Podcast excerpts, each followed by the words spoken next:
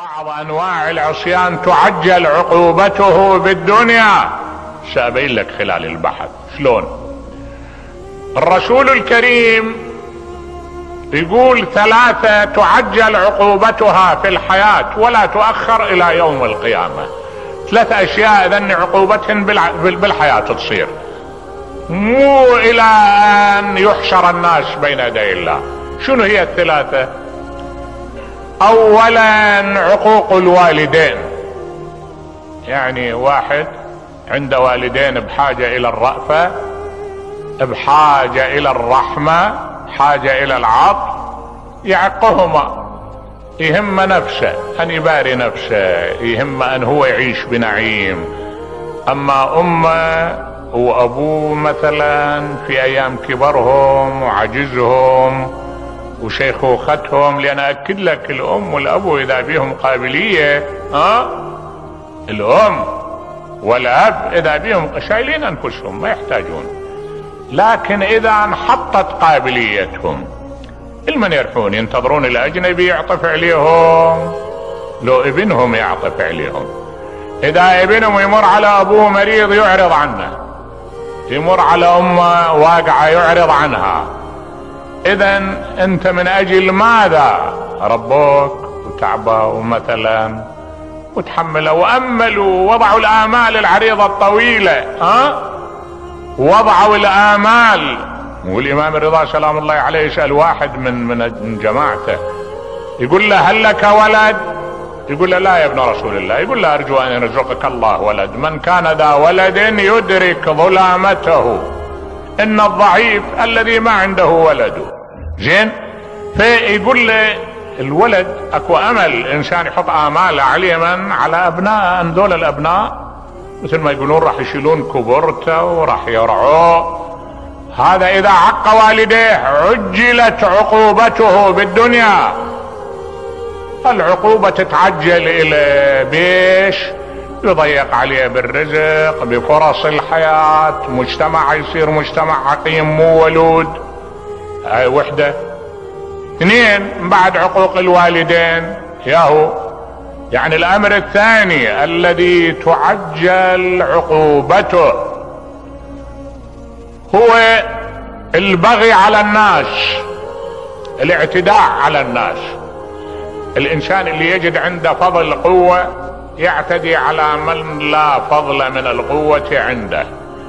أنا مثلا موظف ما أرحم هذول اللي تحت إيدي. لا أريد أظهر لون من الجبروت وإثبات الذات أعتدي عليهم. أبو بيت أطلع ها رجولتي على من؟ على الزوجة وعلى الخادم اللي موجود بالبيت.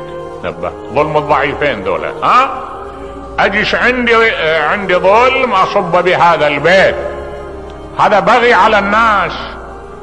أبغي على الناس بأرزاقهم. أنا عندي فرص للحياة.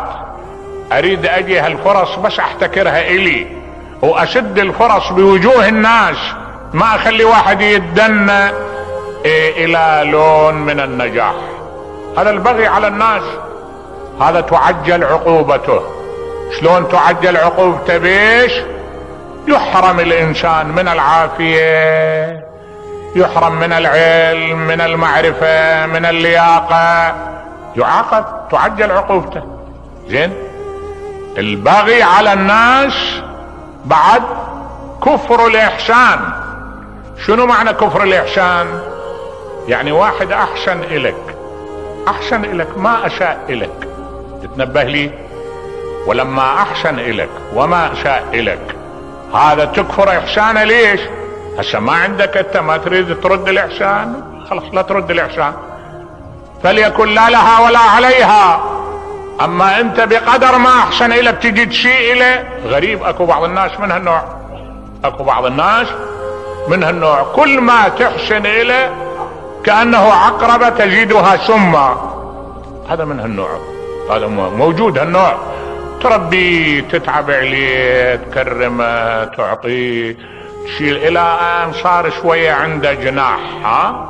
اعلمه الرماية كل حين. فلما اشتد شاعده رماني ها؟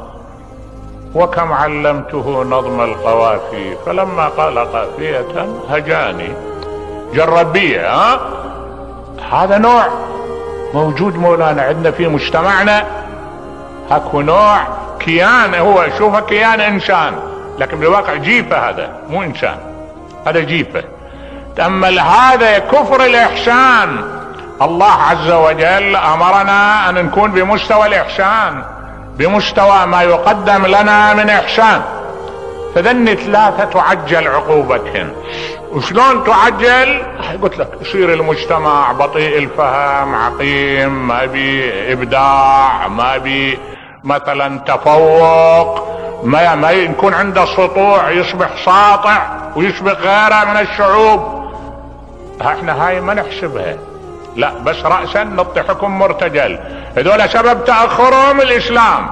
لا سبب تأخرهم ترك الإسلام مو الإسلام.